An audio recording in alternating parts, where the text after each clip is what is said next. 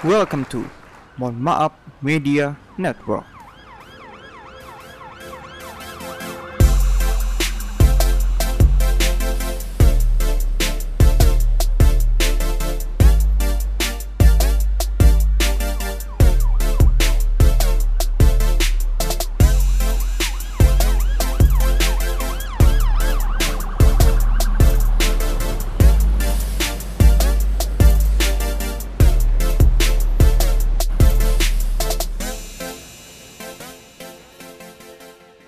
Inilah satu-satunya podcast di Indonesia yang minta maaf sebelum barbar. Hadir untuk kalian segmen bisnis, tempat ngobrolnya orang yang bisnisnya busy. Dan halo, akhirnya aku ngos lagi setelah kemarin-kemarin digantikan sama Evan dan Kathleen. Tapi di episode kedua segmen bisnis ini formasinya berubah. Kalau biasanya duet, Rainier dan Evan Niko, kan sama-sama cowok jadinya pahit gitu kan ya. Apalagi kali ini narasumbernya cowok jangan sampai trio cowok kan. Nanti yang nonton sedikit yang denger ya kan? Nah jadi biar komposisinya pas biar bisa harmonis kita kan butuh yang manis-manis ya kok ya? Jadi inilah dia co-host kita si manis dari jembatan Ancol. Monggo Natania Verina mana suaranya? Halo Nar, halo Ko Ivan. Halo, salam kenal. Salam kenal juga.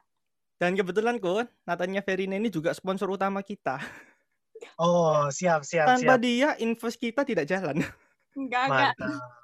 Betul, betul. Nah, hari ini kita bakalan banyak belajar sama si Koko ini nih, yang bisnisnya lagi dibutuhkan semua orang di masa pandemi gini. Nah, kalau mau tahu bisnisnya apa saja dan orangnya seperti apa, langsung aja kita ajak ngobrol. Halo Ko Ivan, apa kabarnya? Halo, baik. Thank you banget, Renner. Thank you banget, Verina, sudah diundang ke podcastnya. Kita lah yang harusnya thank you. Iya nih, aduh. Kok repot banget kita yang ganggu. Nah, kok sekarang di pandemi gini ke- kegiatannya apa aja nih, Ko, yang masih aktif? Ah, kegiatan aktif ya kita sekarang lagi fokus donasi tiap minggu ya ke orang-orang yang berdampak terdampak COVID. Jadi kalau misalkan di Jakarta, kita kan ada tim di Jakarta, kita datang ke tempat pembuangan TPA-nya di sana, tempat pembuangan akhir. Itu banyak orang-orang yang pendapatannya turun banget. Buru-buru yang pendapatannya turun karena proyeknya eh, proyeknya eh, berhenti dan macam-macam. Nah, kita tiap minggu aktif untuk ngirim ngirim ke sana dan bagi-bagi kotak makanan sama masker seharga sepuluh ribu per orang. Habis itu sekarang lagi fokus ke checklab.id, di mana ini kan kita sudah tiga tahun, eh, tahun ketiga checklab.id. Kita sekarang fokus ke pelayanan swab test, rapid test, sama MCU di rumah. Kayak gitu, Nar, Verina. Nah, Ko, kalau misalnya teman-teman nih di luar sana yang pengen ikutan bantu supaya Ko Ivan dengan tim biar bisa kasih orang lebih banyak lagi itu harus ke mana sih, Ko? Eh, sebenarnya kita masih belum bikin yayasan atau gimana sih, karena ini kan sebenarnya kan kayak sampingan ya sebenarnya ya. Sampingan kita bantu-bantu aja gitu. Kalau kita seriusin juga waktunya nggak ada gitu. Jadi kalau misalkan mau ikut ya monggo langsung aja DM di Instagramku at Ivan Sinarso gitu Nar. Siap, Ko. Tapi yang menarik dari Ko Ivan ini, yang bisnisnya itu sukses di bidang kesehatan ini, ternyata dulunya malah memulai di bidang kuliner. Monggo, Ko, diceritakan kok bisa dari yang kuliner lalu belok kanan ke dunia kesehatan. Gimana, Ko? Ya, ya. eh sebelum sebelumnya aku penasaran nih, kamu dapat info dari mana tuh Nar? Kita kan punya tim, Ko. Ini stalking juga nih. Serem juga nih. Dulu, riset dulu supaya aman. Oke, jadi itu memang awal itu bukan kuliner sih bro sebenarnya. Aku mulai bisnis masuk dunia bisnis itu yang benar-benar serius. Itu sebenarnya jualan MLM sih, MLM kosmetik gitu. Terus eh, perusahaannya tutup karena di Amerika harganya dolarnya naik dan lain-lain. Kita fokus ke mulai nyoba-nyoba lain-lain tuh macam-macam dan benar kulin salah satunya kuliner. Pas itu di sate, kita jualan sate. Jadi saya sempat jadi abang-abang sate tuh di pinggir jalan tuh. Tapi kalau abang-abang satenya gini kan pasti satenya laku ya. Bener gak tuh, Miss? Waduh, nggak juga lah. Di sana kan ngeksplor diri sendiri. Ternyata kalau misalnya makanan tuh kurang bisa nggak cocok lah gitu ya sama saya ya, sama nature-nya saya gitu. Jadi lebih lebih seneng yang ke startup sih. Atau untungnya kurang banyak? Ya untungnya ngambil yang wajar-wajar aja lah. ya terus uh, kita fokus ke startup, ke digital. Habis itu um, akhirnya di startup yang ke-12 ini kita bikin check lab tiga tahun lalu. Uh, startup visinya digital dicampur sama kesehatan, jadilah check lab kayak gitu. Nah, kalau startup sampai 12 ya kan? Itu kan pasti banyak banget ya, kok ya. Dan kalau startup sampai segitu kan tentu merintisnya itu kan enggak secepat kilat. Betul, betul. Dan bahkan untuk mengejar kilat itu kan katanya nih aku juga dapat kabar kok ya dimulai dari hmm. SMA. Bener nggak tuh kok? Betul betul. Sebenarnya mulai bisnisnya tuh dari kecil-kecilan dari SMP sih sebenarnya. Bahkan dari SD dari SD pun sudah jualan pensil. Kalau nggak tahu ya ini tergantung umur ya. Pernah tahu pensil inul nggak? Tahu yang kayak bisa goyang-goyang itu. Tahu ya? Ya. Oke oke oke terbukti beda generasi. ya terbukti beda generasi ya kelihatan umurnya ya sudah ya. Ya ini pertanyaan pertanyaan menjebak memang. Oke. Okay. Yang penting tampangnya muda. Betul. Kan aku kan lom, di, di Lombok tuh. Pas itu kan sedikit yang jualan pensil inul. Ya dari SD itu sudah minta mama untuk, "Ma, beliin pensil inul." Berapa? Beliin banyak aja mau mau aku jualin. Dari SD itu sudah kayak diajarin kayak gitulah sama orang tua. Diajarin entrepreneur. Iya, diajarin untuk nggak terlalu ngerepotin ya mungkin ya. Ini anakku ngabisin duit doang mungkin ya. ya Ner ya sama aku ya Ner. Oh iya, 12 12. 12 12 ya. Terus habis itu uh, ya sih mulai rintis dari sana sih dari SM, SMA yang benar-benar bisnisnya agak serius. Oh berarti kok Ivan ini waktu kecil ditanya sama mama, e, Ivan kamu takut setan? Enggak mah, aku takut miskin. Masih, betul, betul, betul. Tapi kok bisa sih kok anak SMA kepikiran buat startup? Ya soalnya dari dari keterbatasan bro sebenarnya kalau startup itu aku mulai benar-benar ngertinya itu pas kuliah. Pas itu kan Gojek barusan booming juga. Baru ngerti itu, oh startup digital. Karena beda startup yang digital sama kita bikin bisnis yang kita digitalisasi itu beda gitu. Konsepnya beda banget. Kalau misalkan bisnis yang kita digitalisasi, kita membuat satu jadi dua, tiga, empat, sampai sebelas, sampai seterusnya. Tapi kalau startup kita bikin sesuatu dari nol jadi satu gitu dari yang nggak ada jadi ada gitu. Dari Missnya mau tanya nggak nih Miss tentang startup gitu kan mumpung sama-sama pelaku bisnis nih. Siap. Kalau aku sih lebih kayak kagum sih. Ko Ivan dari SMA udah bikin startup itu belajarnya kayak gimana? Dari otodidak atau ada maksudnya kursus atau coba-coba sendiri gitu kok? Pasti otodidak banget sebenarnya uh, di dunia ini nggak ada sesuatu yang nggak ada di internet sih menurutku gimana cara bikin website, gimana cara bikin aplikasi, itu semua ada gitu. Jadi pas aku SMA itu melihat kayak wah internet nih is the best uh, next big thing ya itu pas tuh mulai kaskus, ada kaskus saat itu. Jadi kita fokus jualan bisnis tas, kita ambil di pasar Atom tasnya, habis itu kita jualan di kaskus, habis itu kita coba bikin websitenya sendiri, mulai dari sana semua sih. Dan semuanya belajar sendiri memang Fer. Wow. Dan akhirnya koko-koko pasar Atom ini akhirnya tuh sekarang di masa pandemi dengan produknya yaitu checklab.id itu kan pasti semakin sibuk bukan merintis mm-hmm. lagi tapi menikmati kesuksesan. Gimana sih kok rasanya menikmati kesuksesan di masa pandemi? Sebenarnya nggak se nggak segampang itu sih bro. Maksudnya kayak nggak seideal itu gitu.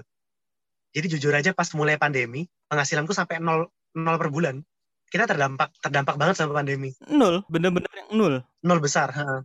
Karena uh, kita ini kan base-nya awalnya, kita ini kan base-nya kan event kesehatan. Jadi kita bikin event, kita bikin, kumpulin semua masa itu dalam satu hari, di mana mereka langsung datang berborongan ke laboratorium. Pilihan kita buat mereka periksa dengan harga murah gitu, Nar. Hmm. Nah ini kan pandemi ya, gimana caranya orang mengumpul? Takut yeah. keluar rumahnya takut gitu. Yeah.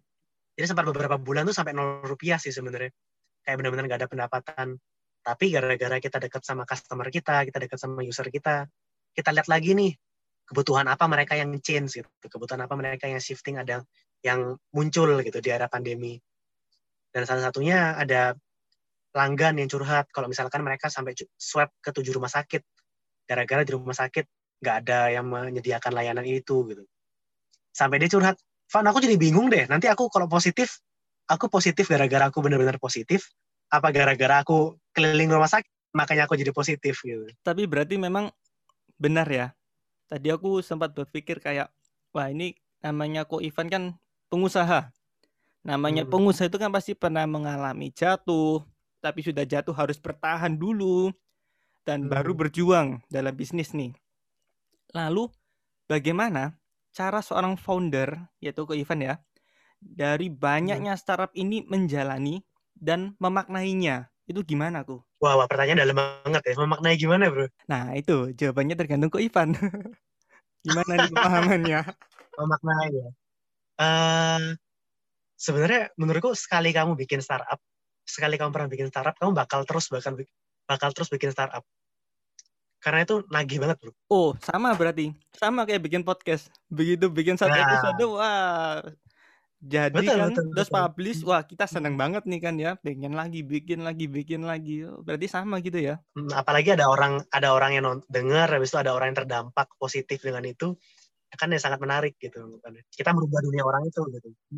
Betul kadang yang denger tuh 50 100 tapi yang bener-bener denger dari awal sampai akhir tuh kan paling cuma 10 20 tapi aku seneng Yes. tetap karena ternyata ada dampaknya lah buat meskipun Betul. sampai nggak sampai 50% tapi berdampak lah gimana Miss ada pertanyaan apa Miss tadi Betul.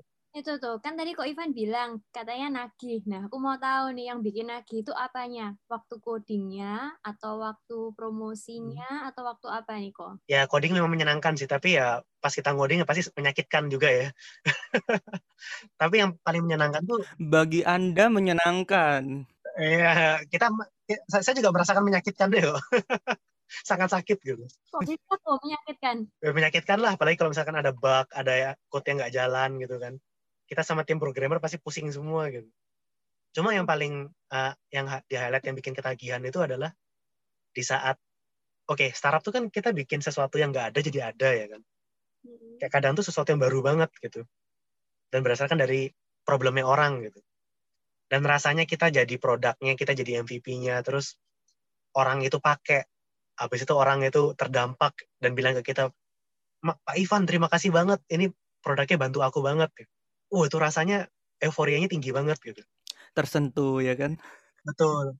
Dan cuma di startup yang kita bisa merasakan satu hari nambah 300 user misalnya. Satu hari nambah 100 user. Kalau kita bisnis konvensional jual sate di pinggir jalan kan nggak bisa secepat itu gitu anggapan nah Missnya pernah nggak Miss? Coba pakai checklab.id tuh. Pernah, pernah. Oh Rekomendasi. serius pernah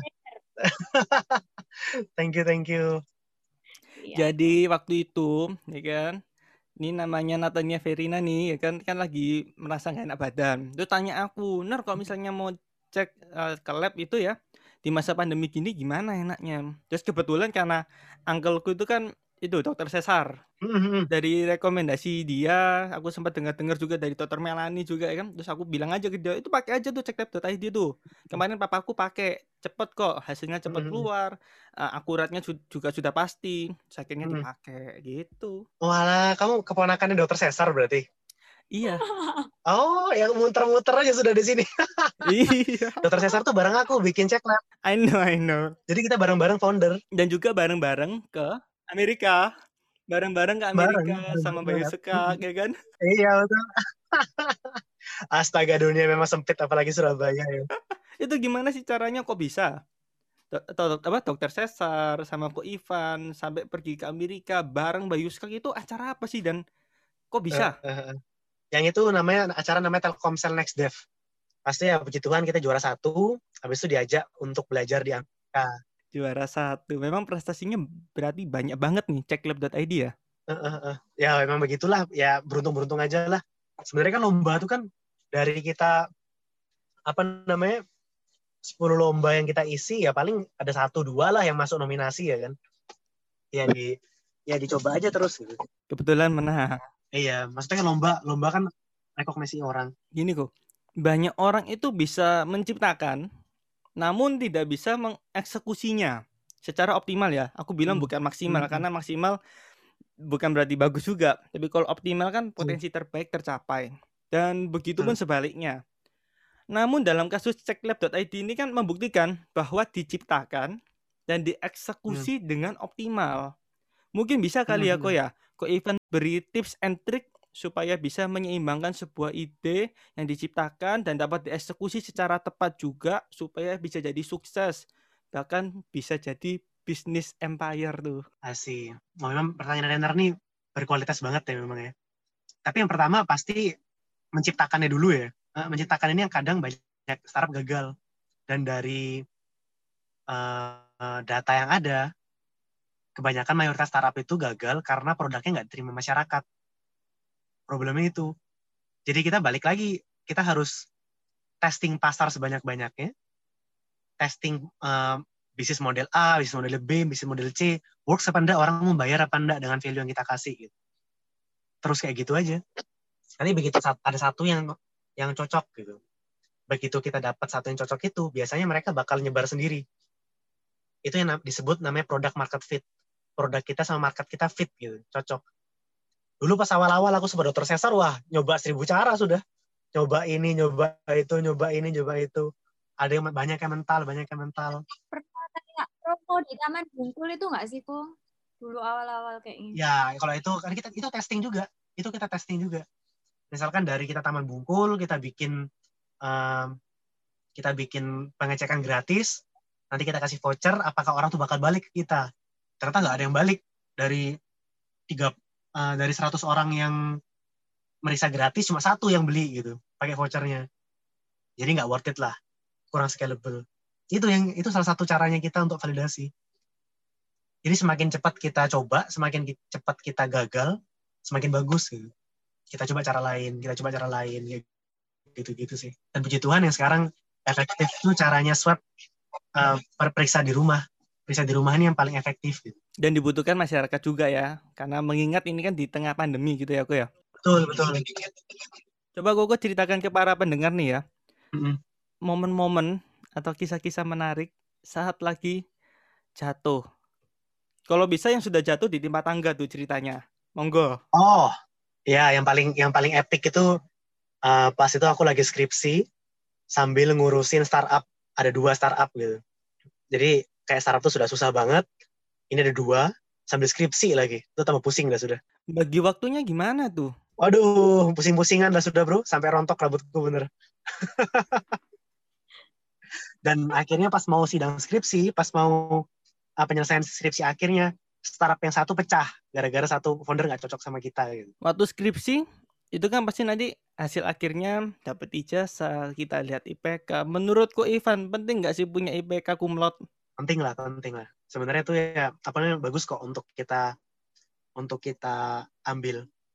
Karena kayak segala sesuatu tuh nggak akan nggak ada yang pure jelek gitu loh bro. Pasti ada bagusnya lah. Walaupun tidak berguna. Uh, berguna sih pasti ya. Maksudnya kayak dibanggain aja gitu. Ini loh dulu aku kumlot gitu. Bayangin aja dulu aku kumlot sambil aku bikin startup gitu. kan nambah lagi value-nya gitu. Berarti buat pride aja ya? Ya buat pride aja. Tapi ya uh, some, someday mungkin di satu, satu, satu titik kehidupan kita kita perlu kerja di orang untuk lebih berkembang gitu. itu kan penting juga untuk kita kan pernah kerja sama orang kok aku nggak pernah sih tapi aku merasa suatu hari nanti mungkin aku perlu gitu untuk magang di mana kayak magang nah, sekarang kalau misalnya Koko startupnya sudah ada 12, bisnisnya sudah jalan, sudah sukses, apa masih perlu gue kerja sama orang susah-susah, penghasilannya jauh lebih rendah, uh, itu apakah masih perlu? Kita nggak ngeliat penghasilan bro, kita ngelihatnya apakah dirimu berkembang di sini gitu. Kalau misalkan di dalam startupmu kamu sudah besar, sudah enak gitu, eh kamu merasa, oh perkembanganku hari per hari jadi berapa persen nih? Gitu. Misalkan dengan dulu 30 persen per hari, kamu jadi learn skill baru terus, tapi sekarang kamu mentok misalnya.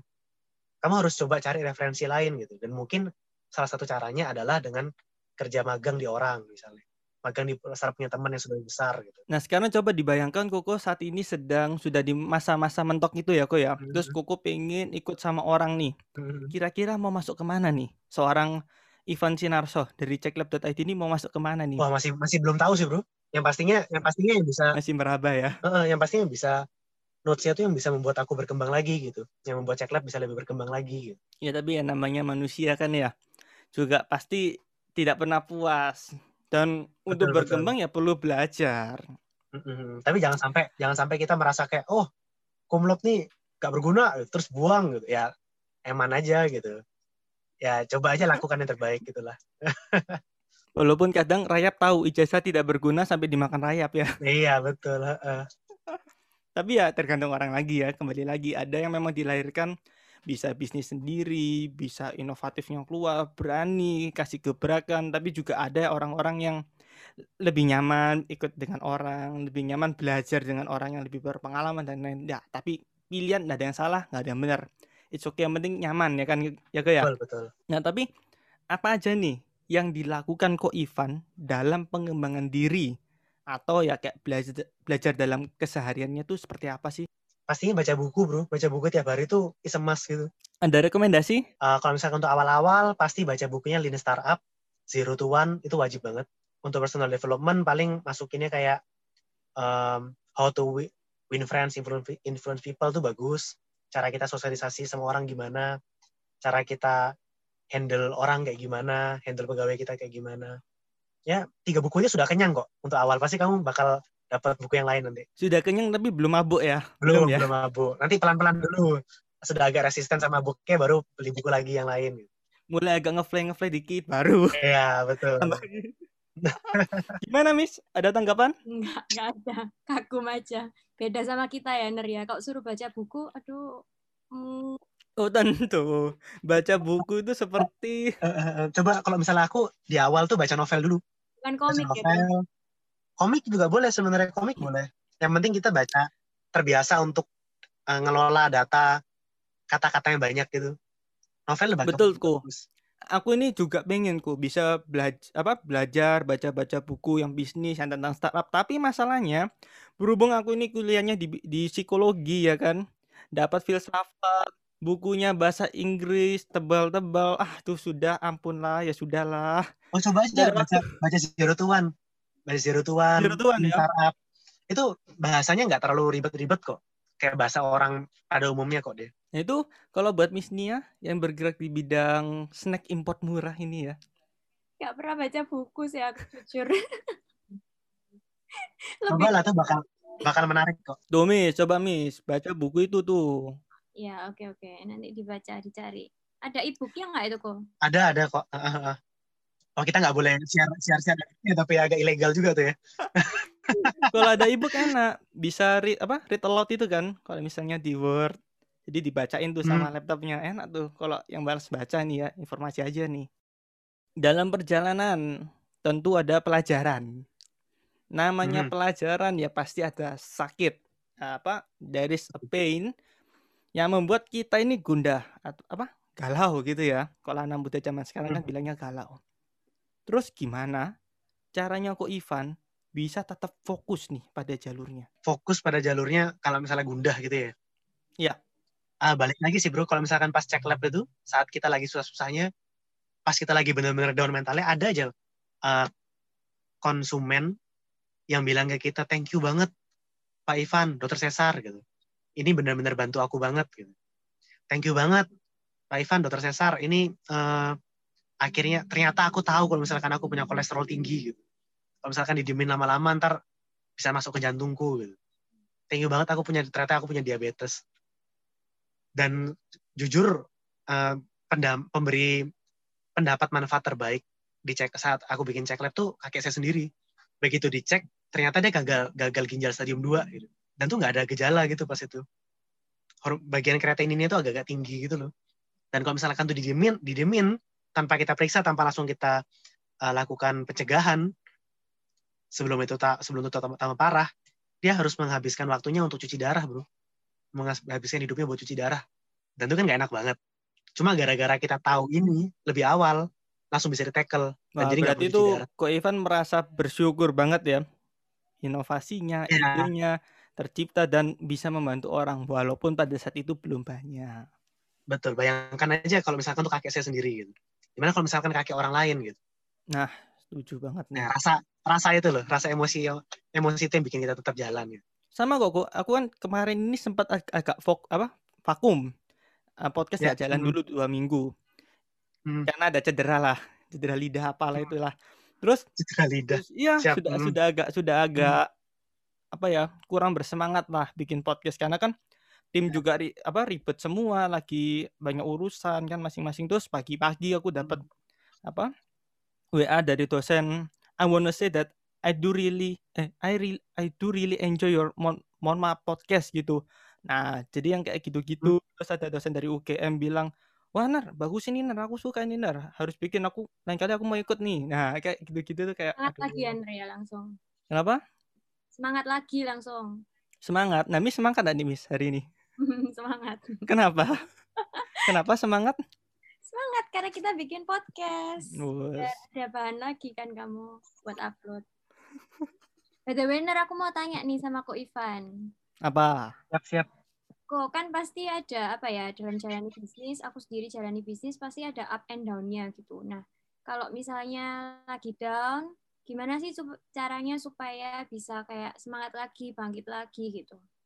Kira-kira ada tips nggak buat teman-teman? Ya, Yang pertama, yang pertama kita harus ngakui dulu kalau misalkan down itu oke gitu. Down tuh nggak apa-apa. Ya wajar lah manusia untuk down ya kan. Ya, Yang kalau misalkan aku biasanya ngomong sama anak-anak tuh namanya burnout gitu, kecapean gitu lelah. Ya kalau misalnya sudah kayak gitu ya sebagai manusia normal ya kita coba refreshing lah. refreshing apa nih kok? Refreshing aja nggak nggak masalah. Nah kalau misalnya aku refreshingnya biasanya nonton film atau enggak jalan-jalan gitu ke mana tapi yang sendiri-sendiri gitu. Itu enak sih menyenangkan kok. Tapi kalau sudah en- rasa sendiri energinya nambah gitu ya udah kerja lagi. Oh, berarti sendiri-sendiri ya, bukan berdua gitu ya aku ya. ya kalau lagi berdua ya berdua. Ya. Pilih berdua atau coding? Coding ah. coding cuan nih. Pacaran buntung nih. Oke lah, tapi bagi kalian nih ya yang masih penasaran tentang apa aja sih produk dari Ko Ivan dan jawaban Ko Ivan tentang keraguan pasar, dengerin iklan dulu ya supaya founder bisa bayar invoice. Jadi, Trituan, here comes the ads. Nar, kamu ada ide nggak?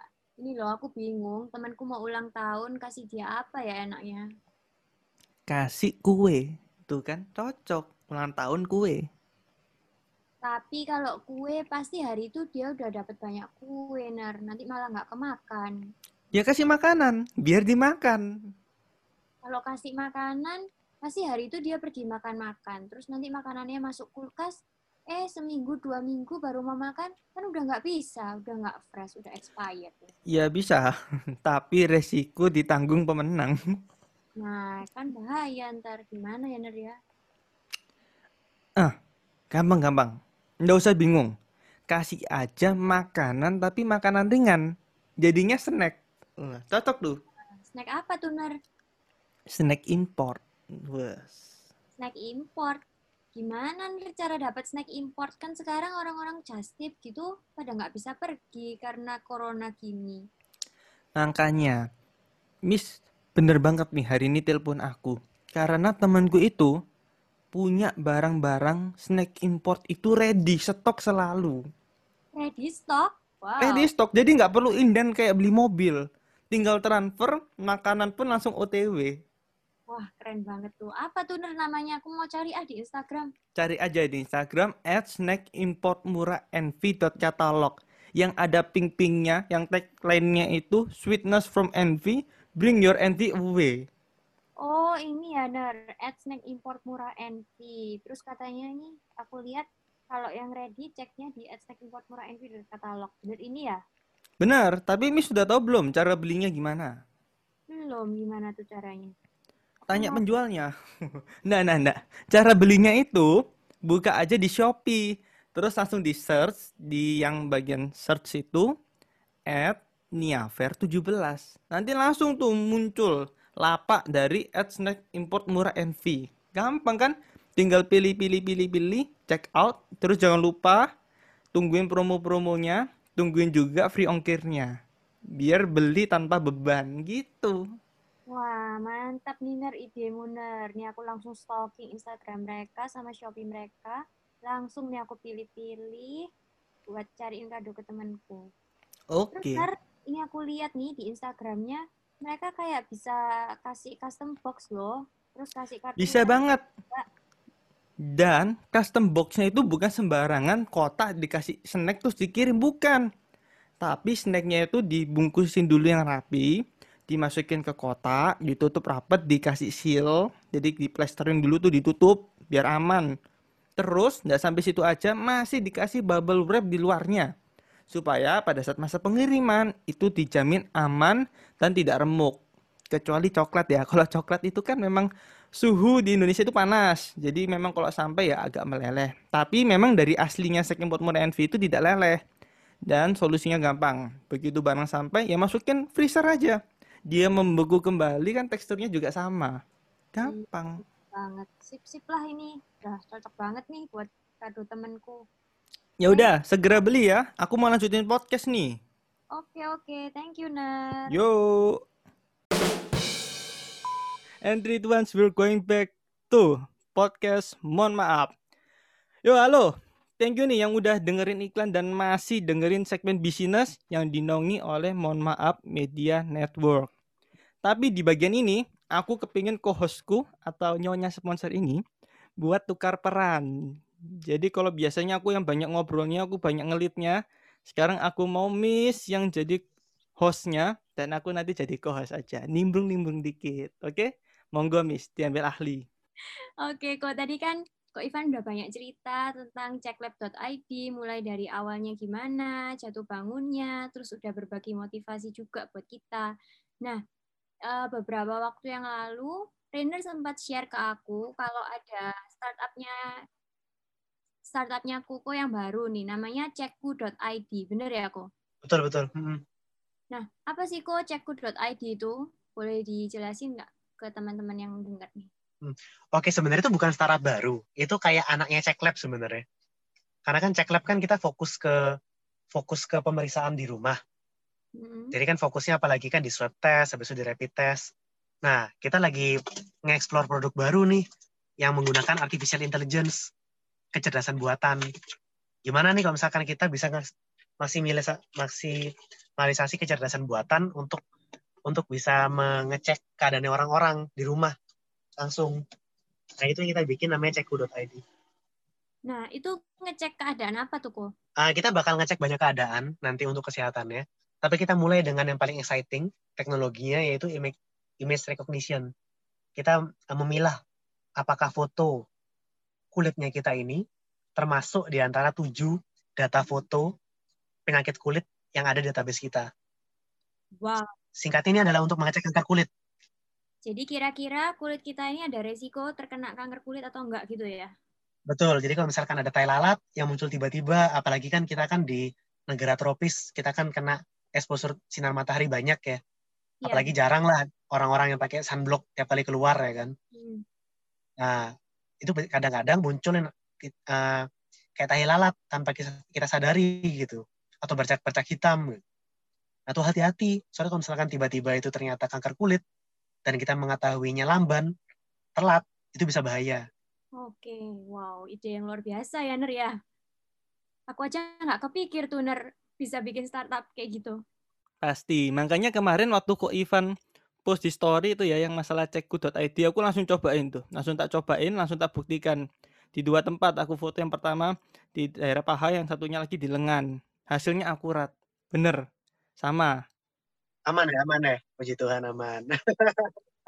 Aman. Tapi memang ada beberapa pertanyaan dari teman-temanku tapi itu nanti aja di pertanyaan selanjutnya di bagian menjawab keraguan pasar monggo Miss dilanjutin oke nah Tadi kan apa kok Ivan bilang itu pakai kamera kan ya kok? Betul. Nah, e, masyarakat di Indonesia e, smartphone-nya kan beda-beda kok. Betul. Otomatis hasil dari kameranya juga beda-beda. Mungkin ada yang high quality banget atau ada yang standar. Nah, apa itu mempengaruhi sih hasil dari uh, scanning dari cekku.id itu? Sejujurnya ada yang uh, ideal dan ada yang praktikal ya. Kalau misalnya idealnya ya memang kita bikin semuanya sama. Kalau misalkan pertama kali buka cekku.id kan ada gambar gambar yang disarankan gitu kan. Mm-hmm. Yeah. Idealnya tuh kita memfoto persis dengan gambar itu formatnya. Yang pertama backgroundnya nggak ada. Jadi kalau misalkan kita foto tangannya kita doang tuh nggak valid sebenarnya, kurang valid. Jangan ada background, background ada kamar mandi atau ada apa gitu. Atau misalnya ada bayangan yang lewat ke tangan kita itu kurang valid sebenarnya. Jadi memang benar-benar harus di fullkan dulu layarnya kita, baru difoto gitu. Tapi iya. balik lagi, kita masuk lagi ke dalam tahap apakah kita langsung mendeploynya secara cepat agar kita bisa mengembangkannya langsung dengan per, dengan masukan customer atau kita mau berkutat doang dengan pikiran kita oh kita mau bikin gini kita mau bikin gitu kita mau bikin gini pada akhirnya tahun depan baru rilis kan ada dua pilihan itu tuh Iya, kita iya. milih yang pertama Dan itu kenapa juga kemarin waktu aku baca snapnya atau story-nya aku Ivan kan bilang kasih kritik sebanyak-banyaknya lagi butuh kritik nih. Nah itu aku salut banget. Memang jiwanya jiwa-jiwa pengusaha kalau bikin produk harus mau dikritik supaya produknya itu bisa optimal. betul bahkan kita perlu banget kritik kita lapar dengan kritik gitu Setuju. Nggak boleh baper ya kok ya. Masa dikritik baper. nggak boleh nggak boleh malah harus lihatnya positifnya doang Kayak itu ya, kayak contoh kayak contoh itu ya, menu pesawat itu ya kok ya. Ingat nggak pes- Dikritik, wah sampai pengadilan. Untung ada Hotman Paris. iya betul betul kita jangan ngomongin mereknya ntar podcast kita ditutup gitu dituntut juga nanti Iya, aku kayak, cinta Hotman Paris. aku cinta Garuda Indonesia. kayak kemarin tuh kan ada dokter spesialis penyakit kulit yang nyoba gitu dan dia ngasih masukan gitu Eh, ini menurut saya misalkan ini pas itu dia eh, mendiagnosisnya itu nevi apa gitu tapi ternyata memang mesinnya kita itu mendeteksinya mirip banget sama dokter itu gitu dan itu menarik gitu loh kayak wow ternyata mesinku yakin dan mesinnya ini hampir setara dengan dokter spesialis penyakit kulit gitu walaupun beda tipe ya anggapannya ya jadi memang harus Oh, berarti sama. ini dengan adanya ceku.id membuat dokter spesialis kulit pasiennya berkurang. menurut saya enggak karena pada akhirnya kalau misalkan tuh benar kanker kulit itu harus ditangani sama dokter penyakit kulit. Dengan cepat gitu. Harus tetap ketemu dokter ya, tapi ini kayak penanganan awalnya biar kita scanning sendiri di rumah gitu kan. betul. Bayangkan aja kita mendeploy ini ke daerah-daerah yang nggak punya do- dokter spesialis kulit gitu. Kan menarik jadi ya kan. Berguna orang-orang bakal banget. bisa betul. Bakal bisa konsultasi lagi ke depannya kan. Konsultasi ke dokter kulitnya via telemedicine dulu terus nanti baru perjanjian lagi untuk ketemu gitu. Itu kan bisa lebih cepat. Daripada nanti dia lebih apa namanya telat. Katanya ba- bagi dari penelitian sih katanya satu dari lima orang tuh bakal someday in their life tuh bakal kena kanker kulit gitu. Satu dari lima orang loh anggapannya. Iya. ini tambah dua orang lagi di sini satu di antara lima kita nih bisa kena gitu. Kan bahaya juga ya. Apalagi kalau nggak tahu ya nggak ada gejala, maksudnya sakit atau apa mendadak di diagnosa kena kanker kulit pasti kaget banget sih. Dan juga makanya teman-teman ini ya, para pendengar ingat slogan dari segmen kita kesehatan. Sadarlah akan kesehatan sebelum invoice rumah sakit yang menyadarkan kalian. Bener ya aku ya? Ya, betul. betul banget betul banget jangan lupa bayar BPJS juga ya Dan jangan lupa didaftarkan ke dokter terdekat Anda supaya dokter Asik. dapat komisi.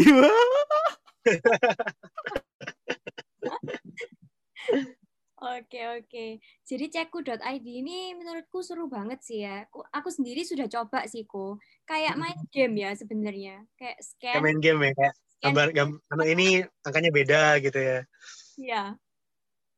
Terus nih ko, by the way, eh, netizen pada mau tanya nih lebih detail tentang ceklab.id dan cekku.id. Jadi kayak ada beberapa pertanyaan yang masuk. Aku mau tanyain langsung ke Ko Ivan nih. Hmm. Em, di masa pandemi Ya. ini orang kadang tak mostly ya kebanyakan apalagi di awal-awal masa pandemi itu kayak takut pergi keluar pergi ke lab jadinya manggil orang eh, manggil cek lab.id ke rumah buat periksa darah ambil darah gitu ya Hmm. Eh, tapi kalau misalnya ada yang kayak aduh aku takut kalau orang luar masuk ke rumah apalagi nanti kalau misalnya orang yang ambil darah ini habis ke rumah A terus ke rumah B ke rumah C terus darahku Hmm. ini nggak sampai-sampai ke lab nah itu gimana tuh kok I see. Oke, jadi memang kalau misalkan untuk darah, memang ada eh, standarnya sendiri-sendiri ya. Misalkan kayak kalau misalkan kita ngambil darah satu tabung, eh, kimia darah, kita harus nunggu itu sampai 10 menit, baru bisa dibawa-bawa. Dan itu tahan sampai 4 sampai 5 jam. berarti Dan biasanya kalau misalkan kita kalau ya? kita banyak, hmm, dan, dan anak-anak cek lab sendiri kan pun sudah disediakan sama cool box kan sebenarnya, oh, oke sama ada esnya juga gitu. Jadi sudah sudah aman kalau misalkan proses dari darah untuk sampai diproses di lab itu aman. Masalah untuk takut ada orang lain datang ke rumah, menurutku itu agak ketakutan yang kurang dijustifikasi lagi. Karena pen- Iya, ya. penggantinya, betul, karena bandingannya adalah kita yang datang ke Lab. tempat tempat lain gitu masalahnya. Kalau misalkan orang datang ke rumah, kita bisa mengkondisikan rumah kita kan. Iya, betul. Misalkan setelah perawatnya pergi pulang, kita semprot-semprot desinfektan lagi. Gitu. Sebelum perawatnya datang, kita pakai masker. Atau mandi disinfektan. Sedangkan kalau misalkan kita ke vaskes, kita nggak tahu sebelum ini siapa tuh yang duduk di sana. Sebelum itu ada yang batuk nggak di sini gitu. Kalau dia batuk, dia bersihin, habis itu masuk ke dalam area eh, ventilasi udaranya gimana gitu. Berarti buat teman-teman yang lagi takut, buat teman-teman yang takut orang luar masuk ke rumah, mereka bisa pilih. Mau punya kemungkinan sakit dikit atau sakit banget. Tinggal pilih. Nah, makanya. Sedangkan kalau misalkan cek lab sendiri, kita wajib setiap datang ke rumah orang, alat pelindung dirinya tuh kita ganti. Jadi Jadi tiap rumah tuh beda-beda semua. Jadi selalu ster- steril pas awal. Walaupun dengan fasilitas sebanyak itu tetap harganya juga terjangkau ya kok ya. Betul, betul. Heeh. Kita nyari yang paling best buat pasien, tapi nggak sampai menyelakai pasien gitu. Berarti ini sebenarnya eh cek lab.id yang kemurahan atau lab lain lebih mahal? Kemahalan nih. Untungnya kebanyakan di lab lain. Yang penting kita benar-benar pingin, yang benar kita benar-benar pingin bantu orang gitu. Oke, jawaban aman ya. Karena memang happy aja gitu loh, bro. Kalau misalkan ada orang yang puas sama kita dan bahkan fun fact-nya, semua artis-artis yang pakai ceklab.id yang ada di Instagram ceklab, kita nggak pernah kontak mereka. Mereka yang kontak kita duluan. Wih, berarti itu Billy Syahputra, Grita Agatha, dan kawan-kawannya itu berarti bukan endorse, tapi memang betul-betul mereka butuh cek lab.id ya ya? Betul. Dan mereka semua yang kontak kita duluan. Habis itu kita mem- memang habis itu kita tawarin endorse sih kayak, "Wih, upload dong di sini ntar gue gratisin gini gini gini, dapat promo gini gini gini." Tapi kita nggak pernah yang approach duluan. Karena word of mouth orang suka sama kita sampai ke telinga mereka, mereka pesan di kita gitu. Semuanya kayak gitu kok. wow. Kita bahkan nggak pernah approach.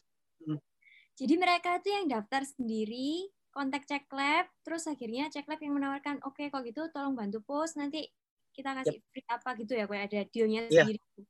Betul. Oh. Padahal kemarin aku sama Rainer jujur ngomong, Ner, banyak artis yang pakai loh, Ner endorse apa bukan itu Ner? Iya, awalnya kan pikir pasti endorse kan. Tapi kalau misalnya endorse kan berapa? 30 juta, 40 juta ya kan. Tapi ini enggak. Ini benar-benar murni dari mereka gitu. Karena Iya. mereka memang perlu dan mereka percaya sama kita gitu.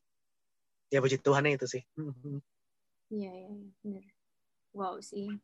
Soalnya kita kadang ya kok kalau lihat di Insta story kayak artis pakai "Hmm, pasti endorse nih, pasti endorse gitu. Jadi kadang kita apa ya kayak meragukan, tapi kalau Itu di story siapa ya, Miss ya? Di story cek lab atau di story snack import murah Envy? Bahaya nih Renner nih. Oke, oke. Oh ya kok, eh, ceklab.id ini em, bekerja samanya dengan satu lab aja atau dengan berbagai macam lab. Soalnya aku pernah pakai itu ada satu lab, terus aku lihat di Instagram kayak ada promo sama lab yang lain sama yang lab yang lain gitu. Mhm, Betul. Ya kita mainnya, kita kalau misalkan mau turunin harga lagi, takut berdampak ke customer. Kan takut ke, kayak bingung gitu loh, mau motong di mana lagi ini sudah gitu. Itu sudah nggak mungkin banget. Jasa perawat kan memang harus decent ya kan. Jasa medis kan memang harus kuat. Supaya mereka pun juga kerjanya efektif ya kan. Terus APD selalu baru setiap rumah. APD sendiri lo harganya berapa ya kan. Kan nggak Iya. murah. Betul. Jadi mau harga mau dipotong lagi promo-promo ikut-ikuti saingan-saingan juga nggak mungkin gitu. Ya mendingan kita kuatin di kualitas. Yang penting kalau misalkan pakai cek lab jangan khawatir apa-apa lagi. Kalau misalkan datang ke rumah pun kita nggak pakai baju putih langsung, kita pakainya di teras supaya tetangga-tetangga nggak ketakutan, ya kan? Dikira astronot gitu. penting itu. Kira-kira Itu penting itu. Oh, betul tuh penting banget, apalagi di Indonesia ya kan. APD-nya tuh pun selalu baru, ya aman semua sebenarnya. Jangan terlalu jangan pusing lah. Jadi bukan meskipun bukan rapid test atau swab tetap pakai APD dan steril ya kok ya. Iya betul. Tapi kalau misalkan eh, pakai APD yang lengkap itu pasti kita swab test sebenarnya. Karena kan swab itu kan kita benar-benar buka mulut, buka hidung ya kan. Dan ada potensi untuk bursinnya banyak ya kan. Ya, jadi perlindungannya lebih gitu ya. Lebih ekstra lagi, betul. Heeh. Oke, Ner tadi kamu mau mau apa, Ner? Mau kasih last question. Nah, kan berhubung kok Ivan ini sibuk sebentar lagi harus mengerjakan kerjakan apa ter- apa kerjaan-kerjaan yang lain ya kan. Jadi sekarang kita langsung aja ke last question ya. Nah, apa sih yang masyarakat itu bisa lakukan untuk membantu produk dari Ko Ivan ya entah ceklab.id, cekku.id atau kawan-kawan ya secara internal maupun eksternal nih Ko. Monggo. Simpel sih, mungkin kayak yang pas aku ngepost ceku.id awal ya. Cobalah pakai, kritik kita sebanyak-banyaknya, kita bakal berkembang kok. Dan kabarnya Ko Ivan itu ya butuh tenaga kerja itu apa Ko? Mau Oh, iya. di-share ke teman-teman nih. update update sekali ya. Ya memang lagi sekarang lagi open buat marketing sama advertiser. Orang-orang yang pernah bekerja di bidang itu di perusahaan lain. Ya kita ingin uh, bekerja bareng lah. Siapa tuh bisa masuk tim, cocok. Yang penting syaratnya satu. Yang paling penting mereka benar-benar peduli sama pasien. Benar-benar pingin bantu orang. Kalau misalkan kalian memang betul perlu bantu orang, benar-benar pingin passion untuk membantu kesehatan orang lain supaya terhindar dari penyakit kronis, dari COVID, dari macam-macam. Come join, kita lagi open. Semoga bakat marketing dan advertising kalian bisa dipakai di Ceklat gitu. Untuk membantu lebih banyak orang. Oke Ko, ini yang terakhir juga Ko. Kok kok ada nggak sih Ko Kira dua tokoh kali ya. idola gitu? Iya. Terakhir-terakhir kan momennya kan precious. Jangan buru-buru dong. Siap, siap, siap. Ada nggak Ko apa tokoh yang Koko paling inspired sama quotes-nya itu apa? Ah, monggo. Oke, kalau misalkan yang paling inspired mungkin kayak agak klise ya sama orang-orang startup biasanya. Tapi ya ya apa ini memang memang nggak bisa nggak bisa digantikan gitu. Steve Jobs sih memang mau sampai berapa tahun pun dia sudah nggak ada tetap inspiratif sampai sekarang. Steve Jobs dengan quote-nya dia em, dengan quote dia kalau misalkan kita harus menganggap hari ini hari terakhir kita gitu. Hari terakhir kita dan besok kita nggak ada gitu. Kalau misalkan besok kita sudah meninggal, apa yang harus kita lakukan hari ini gitu. Itu benar-benar bikin kita present sih, present. Oke, dan juga tentunya Koko Mhm. juga pasti setuju sama quotes-nya si omnya Spider-Man ya kan? Semakin banyak Iya, betul, betul, betul. kekuatan, semakin banyak tanggung jawab dan semoga Ko Ivan tetap melaksanakan tanggung jawabnya dengan sepenuhnya. Terus semakin berinovasi, banyak produk-produk baru, banyak orang semakin terbantu. Ya kita menunggu itu, kita menunggu produk-produk ke Oke, Betul, betul, betul. Yap, cukuplah ya Terima kasih. podcast kita hari Cukup. ini. Thank you banget buat yang sudah dengar dari awal sampai akhir. Dan jangan lupa untuk tetap dukung Mohon Maaf Media Network. Bisa dengan follow IG dan Spotify kami di @podcast.mohonmaaf. Dan tentunya jangan lupa kepoin Instagram ceklab.id dan teman-temannya. Nah, kalau bingung teman-temannya ceklab.id ini apa? Kalian bisa aja di langsung Ceklat tadi. Ya, kalian bisa langsung oh jangan, jangan buka cek lab. Kalian bisa langsung DM kok Ivan di IG-nya @ivan_sinarso supaya tambah rame. Banyak yang follow tuh. Serta seperti biasa, jangan lupa cek at Snack Import Murah NV supaya teman-teman bisa melihat updatean produk terbaru dan at Snack Import Murah NV.katalog untuk mengecek barang apa saja yang ready, yang ready dan tentunya Shopee at-nya Ver17 untuk belanja snack import. Nah, sekian aja. Thank you and I'll see you when I see you. Cus.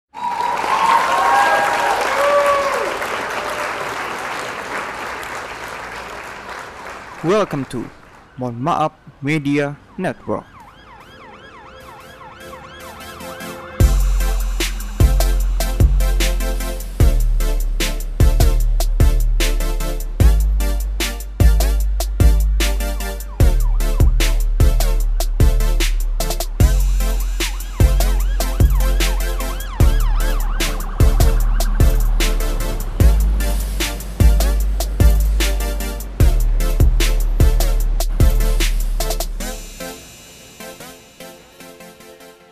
Dan inilah satu-satunya podcast di Indonesia yang minta maaf sebelum barbar.